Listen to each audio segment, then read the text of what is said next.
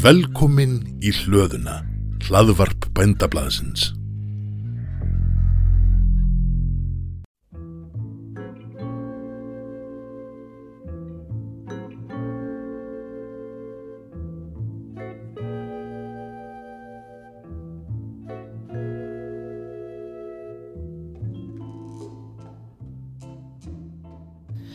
Þetta er þátturinn afstafa.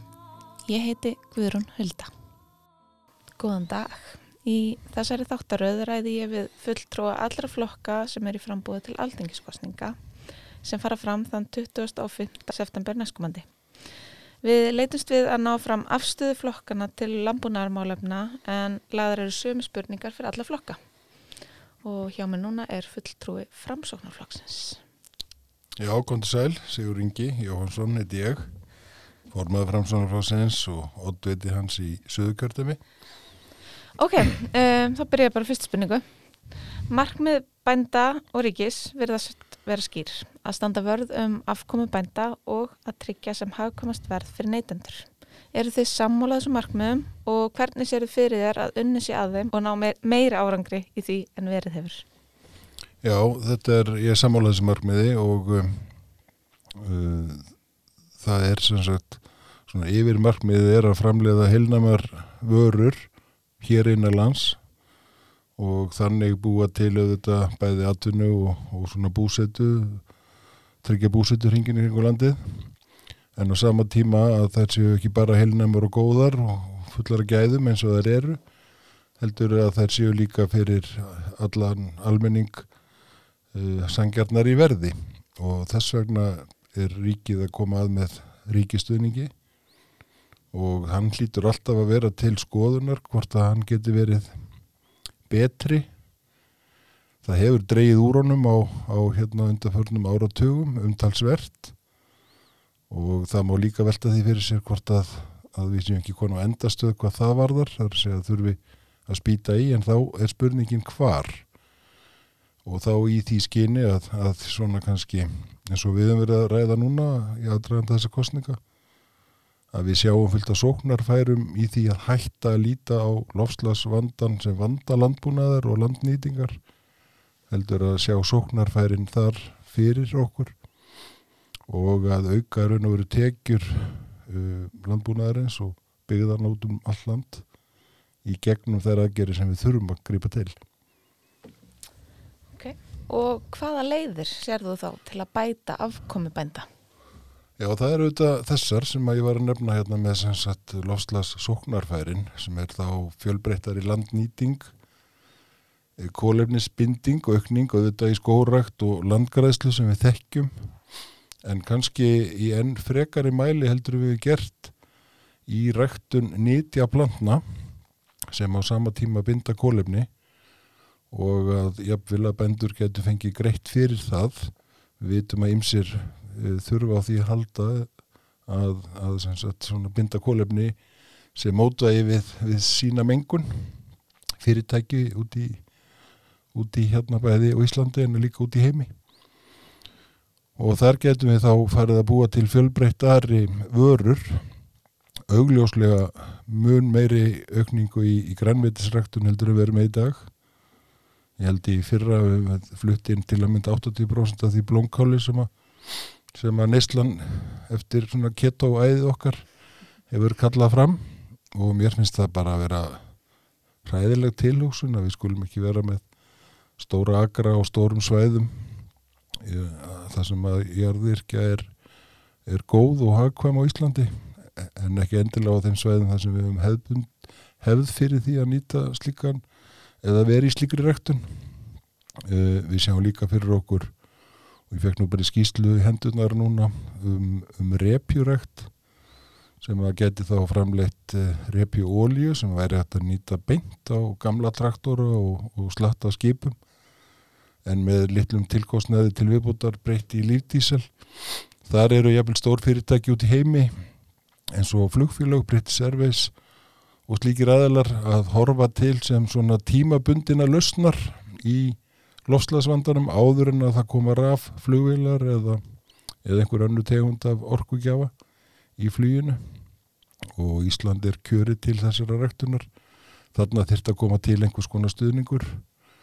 Þannig að eitt er sem sagt þá lofslags sóknarfærin síðan þurfum við þá að horfa í kringum okkur með hvernig við erum að gera í dag og þar höfum við verið að leggja til að, að við sjáum sérstaklega í kjöttframleislunni, sérstaklega í söfaræktinni og einhver leiti nötta kjöttinu líka.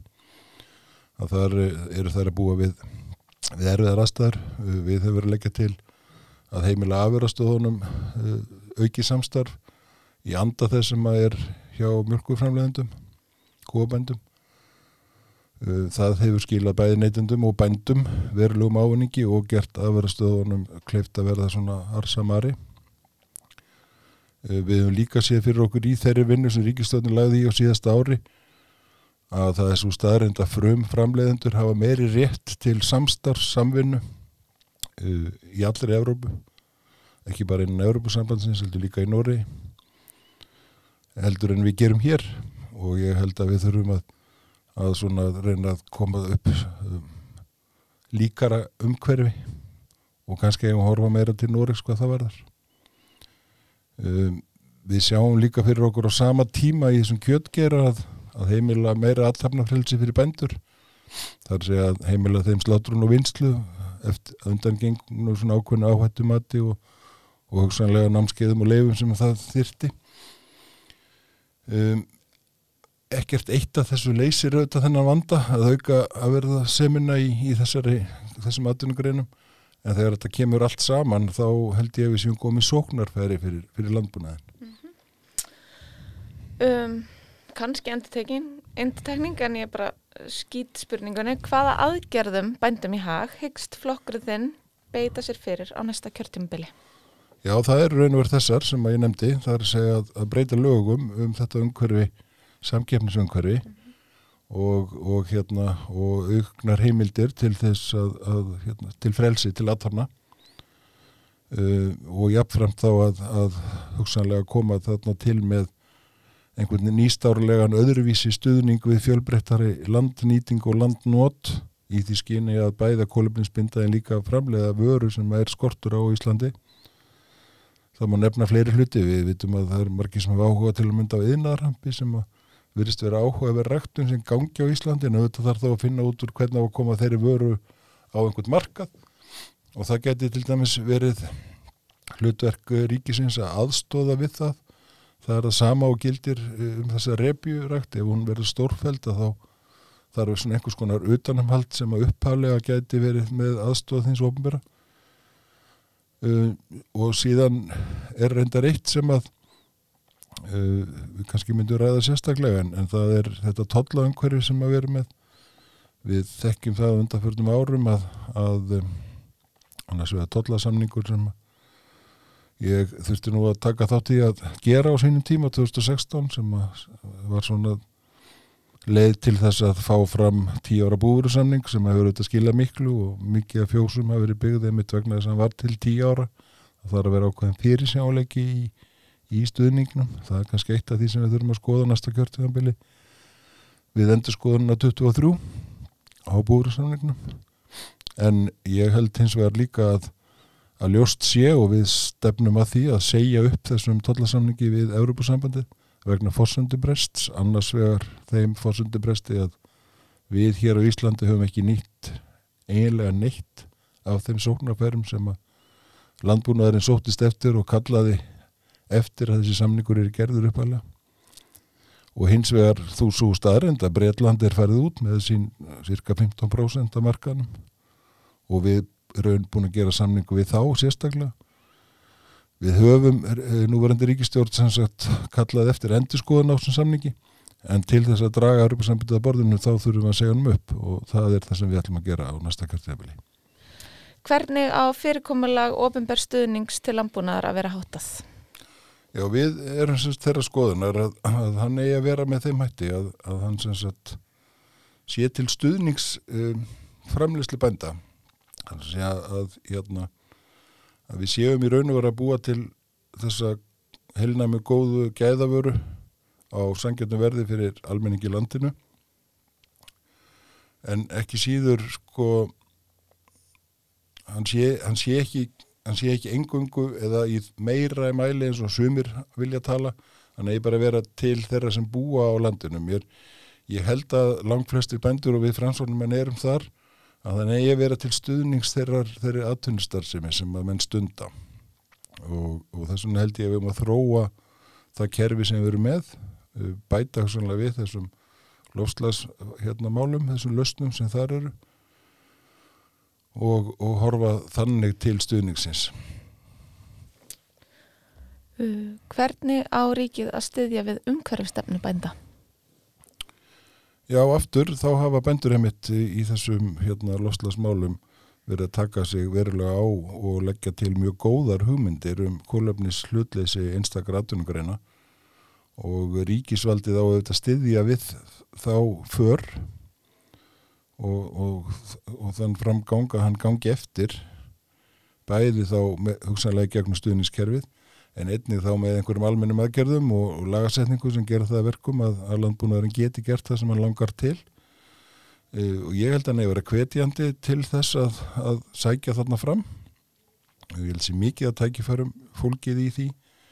Það nýjasta nýtt sem ég hef heyrt er, er til að mynda eitthvað sem við höfum oft rætt sko að, að við erum hér á Íslandi með sjálfbæran landbúmuna, sjálfbæran nýtingu uh, fjölskyldubú sem erum að keppa við, við stóra aðila. Og ef að menn, og ég veit að í garðirkjunni hefur verið frumkvæða því að búa til svo kallar fair trade uh, sem sagt samkúmulag það er að segja svona, hvað er maður að kalla það, rétt réttmætt, réttlát viðskipti og ég held að að Íslensku landbúnar er mjög auðvelt með uppfylla þau skilir sem þar eru um dýravend, um sjálfbara nýtingu lands um uh, launi og, og hérna góða meðferð á stafsfólki etc. etc. og ég var að keppi kepli og ég held að í vaksandi mæli sé neytandin og, og framleiðendur voru kannski svona ef við hugsaum þetta svona í þremur kynnslóðum að fyrst vorum við að reyna að framlega nóg e, kannski höfum við núna á síðustu ára, árum og áratugum verið að leggja meira áherslu á gæðin. En ég held að framtíðin félist álti mikið í því að, að það sé siðferði líka á bakvið þetta kólumnispor uh, og svona réttmætt viðskipta hérna, hegðun. Og ég held þessi gríðileg tækifæri þarna fyrir íslenska landbúnað. Og ég held að ríkisvaldið eigi að, að um, hjálpa til við að koma þessu á. Hver er stefnaflokksins skakvart tollvernd á landbúnaðar afverðum? Ég veit þú komst inn á dagan en... Já, ég nefndi aðeins hérna tollasamningin áðan við Europasambandi. Við sko lefum á því Íslandingar að vera í frívæslunni sem flestar þjóðir og það er líka staðarind að að landbúnaðar viðskipti eru alltaf erfiðustu samningarnir milli þjóða þegar það er verið að tala um fríveslun af því að allir eru að vernda sinn landbúnað, eðlilega vilja hérna efla einlenda framlöslu og upp á fæðuöryggi og fleiri hluti, atvinni, búsetu. Og við erum það líka. Og tollar eru hluti af því umhverfi. Og þeir eru fullkóla eðlilegir og þeir eru notaður út um allan heim nákvæmlega í þessum, þessum tilgangi að jafna svona skilirðu og, og hérna aðstöðumenn Þannig að við styðjum það sem við erum að gera í, í þeim efnum. Uh, við teljum hins vegar að, að, að, að það eigi að vera svona jafn leikur í þessu, í þessu samspili og þess vegna viljum segja upp þessum samningi. Nú síðan hefur komið ljós núna á síðustu árum og það er enda líka til saga sem er nokkru ára eldri um, um innflutning þegar það var breytt hér tollum á, á blómum að þá fór hér allt á hliðina. Það kom í ljós þegar menn fór að skoða það að totla eftirlitið og hegðun manna á þessu markaði var með þeim hætti menn voru að flytja hér inn blóm og kalla það torfa því að það var á 0% hérna totli þannig að þegar það tókst að koma í vekk fyrir það sem ég kall svindl með uh, eðlilegu eftirliti og, og hérna árvekni á, á landamærum að þá fór til að mynda uh, eins og ég þekki það það sem að menn þurfti raun að vera henda hverju viku úr því að vera 29% af innlendir framvislu niður í 5% og það er búið að vera jafnvægi á þeir markaði. Við hefum síðan núna síðust árum samskonar hluti er varðar innflutning á, á kjöti, sérstaklega osti og ýmsum öðru vorum þar sem að virðist vera markvist verið að flytja inn uh, vörur sem eiga vera á öðru tollnúmeri og, og sæta tolli verið að flytta inn hér á, á hérna 0% tolli og skekja þar með sko sangefnistöðuna og eiðilegja raun og verið þetta kerfi þannig að það er mjög mikilvægt að það sé tekið til á þessum vettvangi og mér hefur fundist það ganga hægt og á næsta kjörtíðanbili þá ég tækifæri til þá mun ég beita mér fyrir því að það verði ekki svo. Hvernig sér þinn flokku fyrir sér að tryggja samkefnishæfur ekstra skilir þið bænda? Jú, það er kannski það, meðal annars það sem við höfum verið að ræða, allt þetta. Mm -hmm. uh, annars er hinn ofinberi stuðningur, uh, sóknarfærin í, í, í, í annars verður nýjum kannski atvinnugreinum eða, eða geirum uh, siti ekki hjá þegar að, að, að allur heimurinn er að fara að takast á við lofslagsmál, heldur sjá sóknarfærin og nýta sér þau uh, að tryggja þessi eðlilegt umhverfi, totla og skatta og svo er, er auðvitað fleiri þættir sem að lúta að sangefnishefni og, og það eru hlutir eins og mentun og, og rannsóknir og, og nýsköpun sem að mér finnst að við þurfum að spýta nokkuð í lóana á því sviði einfallega til þess að um, fylgjast með því helsta og besta sem er að gerast í heiminum í kringum okkur og tilengu okkur það, einlega á Íslandi. Uh, við höfum verið að setja og lagja þetta matvælasjóð, það er gríðarlega aðsókn í hann uh, og fullt af jákvæðum uh, hérna, verkum, verkefnum sem það er hljóta stuðning en líka mjög mörg sem, a, sem ekki fá stuðning Ég held að rannsóknir séu til að mynda eitthvað af því sem við sjáum að, að hafi haldrað mjög lengi og vandi mikið fjármagn til og einhvern, einhvern fókus á þannig að fleiri sinni því. Ég nefndi hérna repju á þann. Það eru til aðalar einstaklingar sem hafa stundað slíka ræktun í 10-11 ár í rannsóknarskinni og meðan að ofinbyrra aðalar hafa ekki tekið þátt í, í, í því það virðist þó vera gríðilegt sóknarfæri, annars verið að framlega þessa orku sem er ólíjan og hins vegar sko hrat sem er þá 30% mjög gott prótein sem að getur keft við sojamjöl sem að er ju flutt um langan veg og jafnvel framleitt við aðstæður þar sem að myndi aldrei fá stimpilinn fair trade þar sem að kólöfninsborið er hátt þar sem að jafnvel skóar eru eittir og framleitt við aðstæður sem að við myndum ekki setja okkur við mm -hmm. Já, við förum með mitt inn á landbúnaðar ansvarnar aðeins í þar um, Áttuður upp á slag? Lag? Já, ég, það eru þetta fjölmörg sko, ég er aðlæta á tólist en, en hérna ég var nú lengi vel mikill aðdáðandi U2 og hérna þó að Ímis Íslensk tólist sé frábæra þá hérna finnst mér um, lagið hérna With or Without You fyrir geðu það hefur einhvern veginn hérna, hljóma stundum í bílnum því ég var að kera sem dýrleiknir og setti það bara á replay. Þannig ég gæti sungið það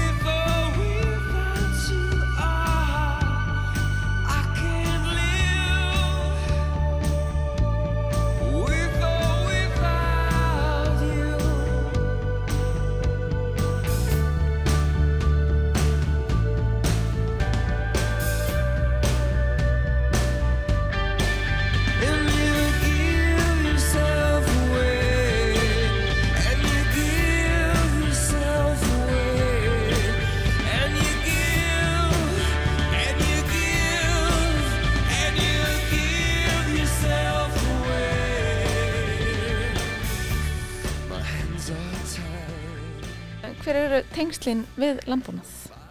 Já, ég er fættur í sveit, ólst upp á, á blönduðu búi með bæði kýr og, og söðfjö og örfa og hesta. Og þegar ég óks úr grassi þá hérna gæti ég alveg hugsað mér að verða bóndi. Allavega vildi ég vinna við uh, störfi í sveit uh, dýrahald eða eitthvað slikt og um, endaði einhvern tíman á miðjum mentaskóla aldrei að sjá fyrir mér að kannski væri áhugavert að verða dýralæknir. Velti reynda fyrir mér einhver sem gæti heiti í dag umhverfisverkræði, það var bara ekki til þannig að ég var bara ekki nógu djarfur í því að reyna að finna mér þá námsleið. En hef ekki séð eftir því heldur að hafa lert dýralækningar og geta þar lendi starfað við uh, þjónustu við, við hérna dýraegundur og landbúnað um allavega 20 ára skeið áður en að þessi pólitík tóku yfir líf mitt Aftur að spurningunum. Hvernig á að tryggja að framleiðsla innlendra og innfluttra matvæla lúti sömu kröfum? Já, við erum búin að nefna auðvitað nokkra þetta. Tollar eru er, alþjóðlega tæki til þess og við erum bara sammála því að svoleiðis eigi að vera. Mér finnst þessi nýja hugmynd þarna um fair trade viðkenninguna vera mjög spennandi leið og ég held að næsta kynnslóð sem er að vaks og grasi sem neytendur muni gera vaksandi kröfur á þessu sviði. Við erum verið að sjá, sjá alls konar umhverfismerki á, á liðnum árum áratugum.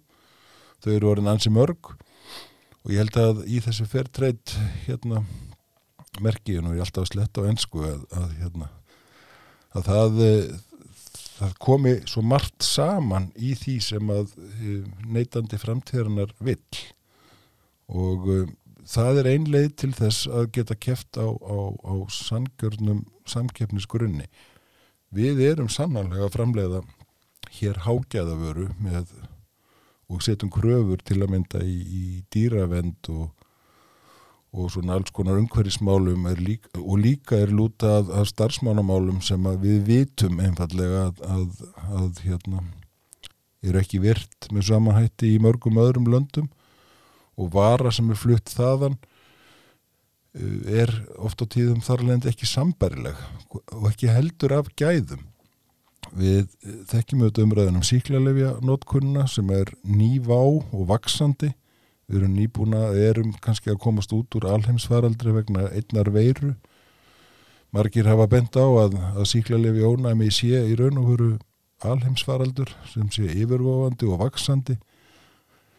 Eh, Nú þegar er talið að um 50.000 manns látist bæði í Vestanhafs og í Evrópu árlega út af þessu uh, fyrir utan svona minniháttar vandamál eins og matarsýkingar og slíkt sem eru umtalsverðu kostnaðar til að mynda í Evrópu út af bæði salmonellu og kamfélabakter og fleiri slíkum hérna fylgifiskum. Þetta eru eiginleikar gæð, gæða sem við erum með sem er gríðarlega vermætt að, að verja. Og um, það er auðvitað merkilegt að alheimsveslunin skul ekki vera komin á þann stað að, að, sagt, að setja þetta ofar á forgámslistanum heldur eru meira að tala um eitthvað fullkona frelsi milli, milli markað að fara með vörur. Því að það er auðvitað ekki fullkomin frelsi eða þú ert, að keppa á þeim grundvöldi annars er með hágeða vöru sem stendst allar þessar kröfur og hins vegar með vöru sem að já, ég var bara að segja er full af, af hérna annarkvort livjum eða hormónum eða bakteríum sem að e, þóla all, all fúkalef og valda stórkostlegum vanda í hilbriðskerfinu.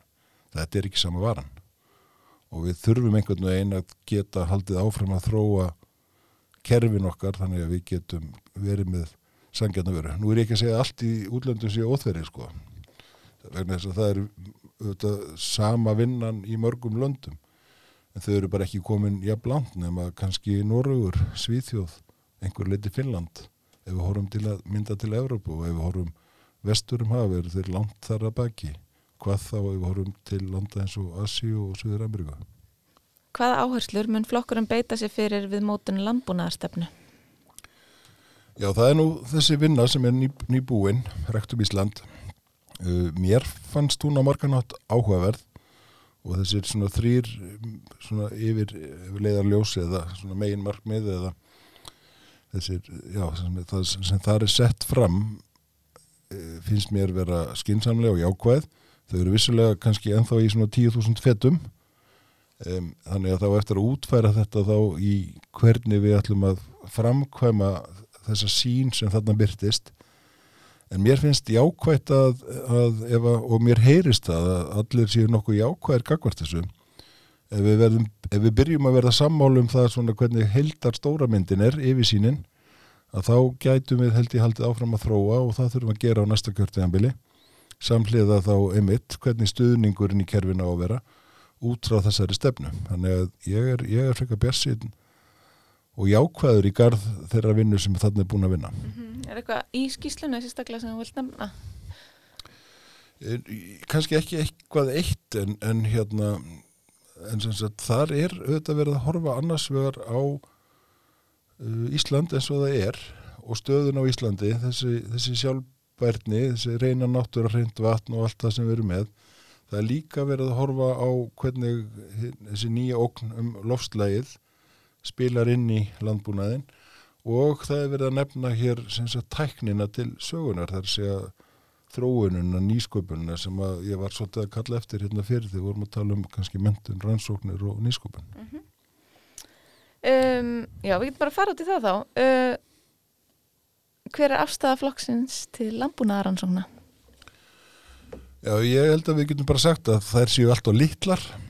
Uh, ég verð að segja fyrir mig, mér finnst það líka verið of metnaðar lausar.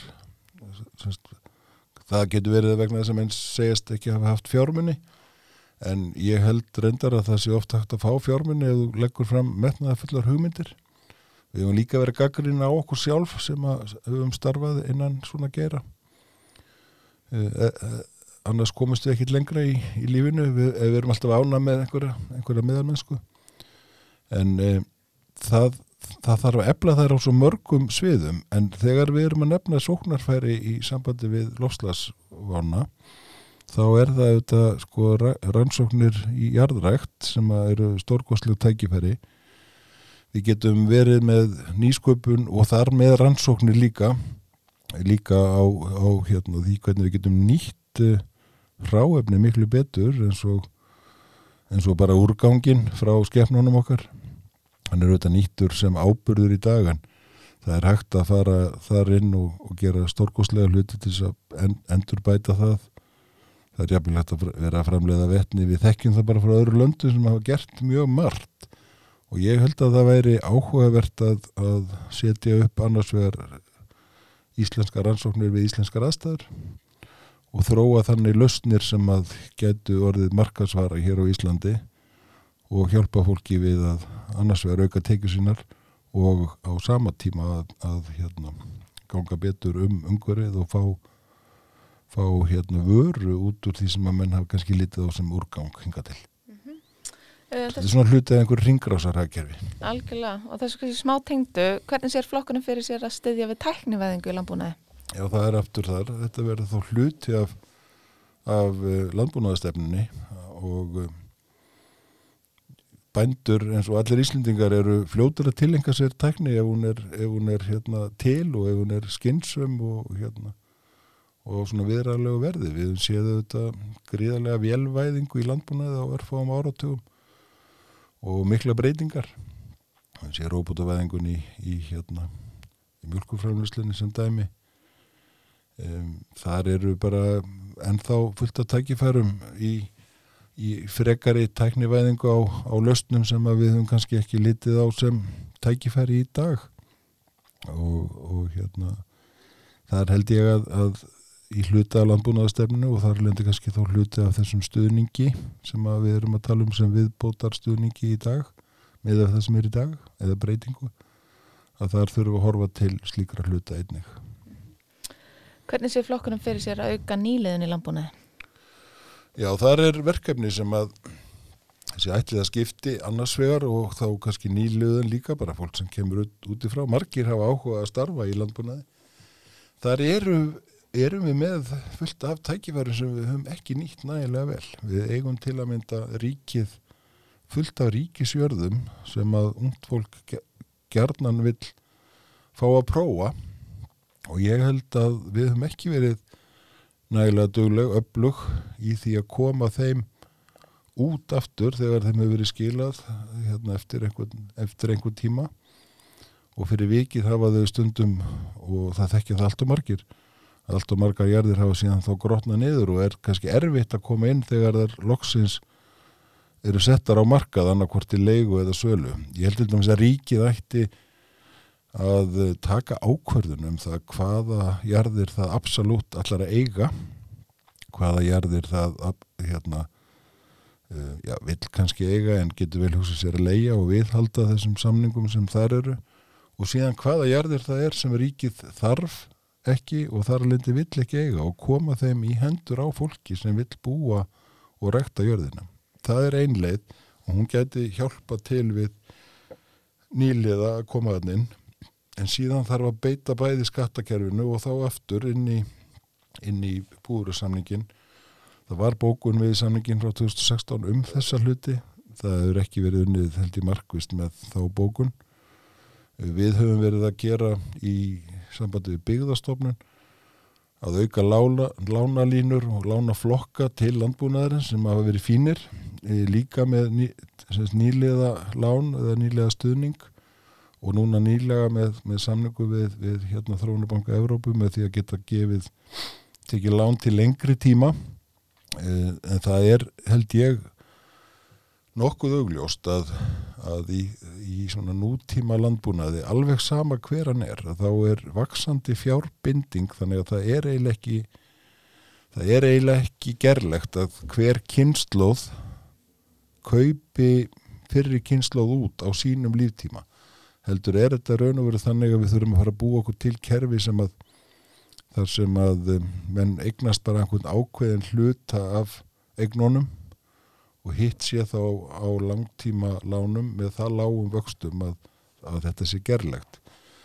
Hér aftur getum við þetta hort til, til hérna Evrópi sem verður lengri tíma í að safna svona upp eignum á jörðum og hafa einhvern veginn þróað lausnir á, á því sviði og um, við erum bara einfallega konað þann stað á síðust áratugum að, að það er svo mikil eignamyndun í landbúnaði fjárbinding sem tengist uppbyggingu stóra búa og vélvæðingarna sem er í tengslu við það að það er ekki hægt að ætlast til þess að hver kynslu kaupi hinn að fyrri út á sínum starfstíma.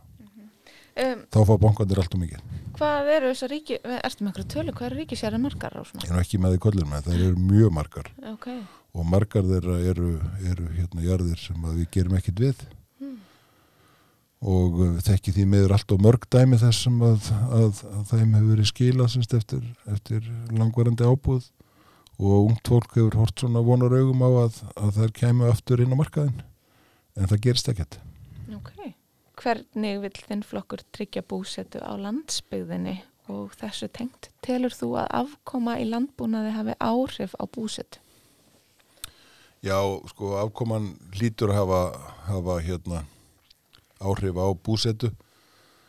Um, þó svo margir vilji gera það lífstíl að búa út úr landi svo ég noti það nú hættulega orð að þá verður nú enga síður að hafa afkomu til þess að hérna, fram, geta framfleitt fjölskylduðinni gefið börnunum sömu tækifæru og öðrum börnum sem, sem alast upp við aðra aðstæðar Uh, þannig að það er augljóslega tenging þar á milli sko e, það sem að við höfum alltaf lagt áherslu á við framsvörnumenn er að, að horfa á landi sem einn held og þess vegna að tryggja búsettur hringin í kringulandi bæði í dreifbili, í smerri þorpum sjáarblásunum, etc. etc. og þess vegna höfum við verið með virka byggðastefnu og styðjum auðvitað að hún sé fyrir hendi En lang besta leiðin til þess að tryggja slikt er að, að ríkið uh, í raun og veru í öllum sínum aðgerðum tryggi að fólk siti við sama borð þegar kemur að ofnberi þjónustu. Við borgum ju sem er hlutvalla sköttum okkar til ríkisins. Uh, það eru fjölmarkir þættir sem þar kom inn. Það eru þetta augljóslega sko, samgöngumál sem að skipta gríðalegu máli í hringin í kringu landið. að þau séu hérna almennlega og við erum að leggja bara þessa dagana og þessi missirinn mikla fjármunni og, mikla áhersla á að bæta samgangur það sama gildur um fjár, fjárskipti eins og sem er kannski nýju samgöngutæki. Og ljósleðara veðing dreifbílis var til að mynda eitthvað risa skref sem ekki mörg lönd hafa tekið til þessa og núna eigum við eftir að klára að, að ljósleðara væða eða með nettengingu eða þráðtengingu inn í mörg þorpin og minni bæi. Og það er verkefni sem við köllum hérna, Ísland fulltengt þannig að hitt var Ísland ljóstengt. Og það er verkefni sem við þurfum að ljúka á næsta árum og þá erum við komin á svakalega ákjósanlega stað hvað þennan samkeppnis þátt varðar sem að skiptir miklu máli í nútíma samfélagi en síðan eru hlutir eins og jæmt aðgengi að mentun jæmt aðgengi að hilbriðis þjónustu Eh, sem við þurfum þá að gera að hluta til í samstarfi við sveitafjölugin og þau þurfa þá að vera í stakk búin til að geta gert það vera kannski öfluri heldur en þau eru mörg hver í dag til þess að geta tryggt sömu tjónustuna við alla. Og um, þannig að það eru svona fjölmarkir þættir sem að spila inn í hvernig við viljum gera þetta en, en svarið við spurningun þetta stutta er að við viljum í raun og veru hafa byggðaglerun á okkur í öllum þeim ákverðunum og verkefnum sem ríki tekur ákverðunum um varðandi þegna landsins. Þannig að allt landi sé undir í hvert einasta sinn. Þá tryggjum við svolítið jafnbræði og fólki sjálf getur þá tekið sínar ákvarðanir og, og að veginn frumkvæði og afli sem, sem Íslandikar hafa tryggt svona meiri möguleika á að hafa góða ákoma af því sem þeir geta stundað. Ok. Um, hér kemur einn nált mín hérta. Hvernig á að tryggja fæðu öryggi í landinu? Já, það er um, fæðu öryggi er sem sagt ólíkt matvælu öryggi þá er matvælu öryggi kannski fyrst og fremst heilnæmi og öryggi matvælana það tengist fæðu öryggi að því leitinu að, að það, hérna, fæðu öryggi er þá að við séum með nægilegan aðgangað að matvælum. Ef það kom upp uh, erfiði tímar í heiminum, ófriður alheimsfaraldur sem getur haft áhrif á, á flutninga.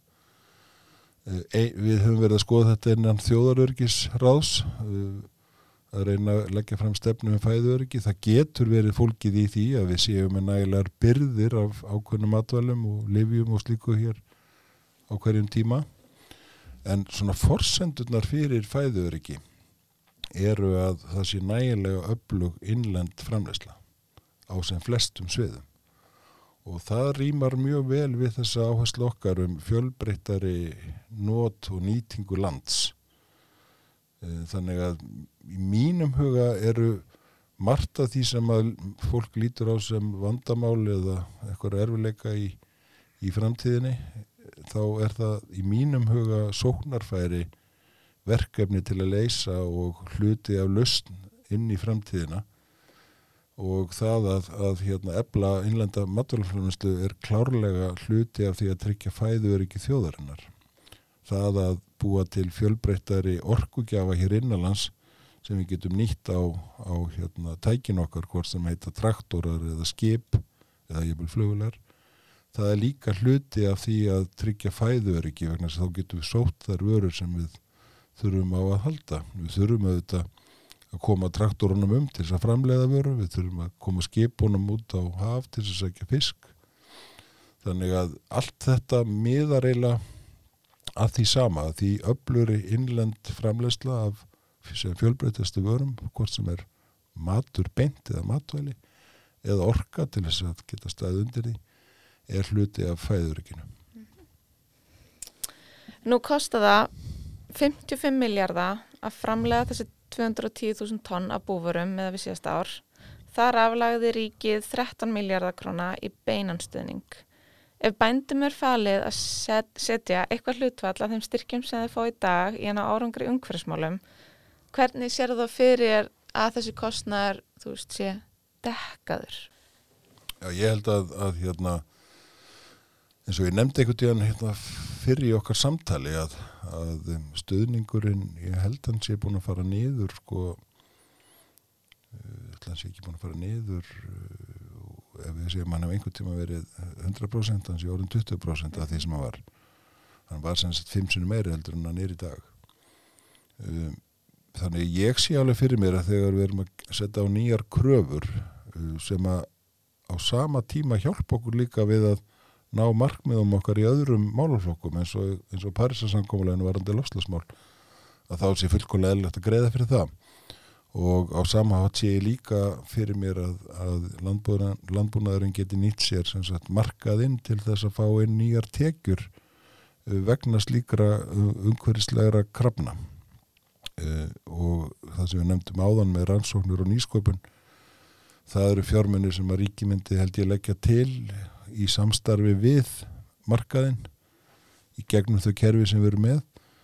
Þar hefur hins vegar skort á fókus þeirra sem að taka ákvörunum um hérna fjárútlátin.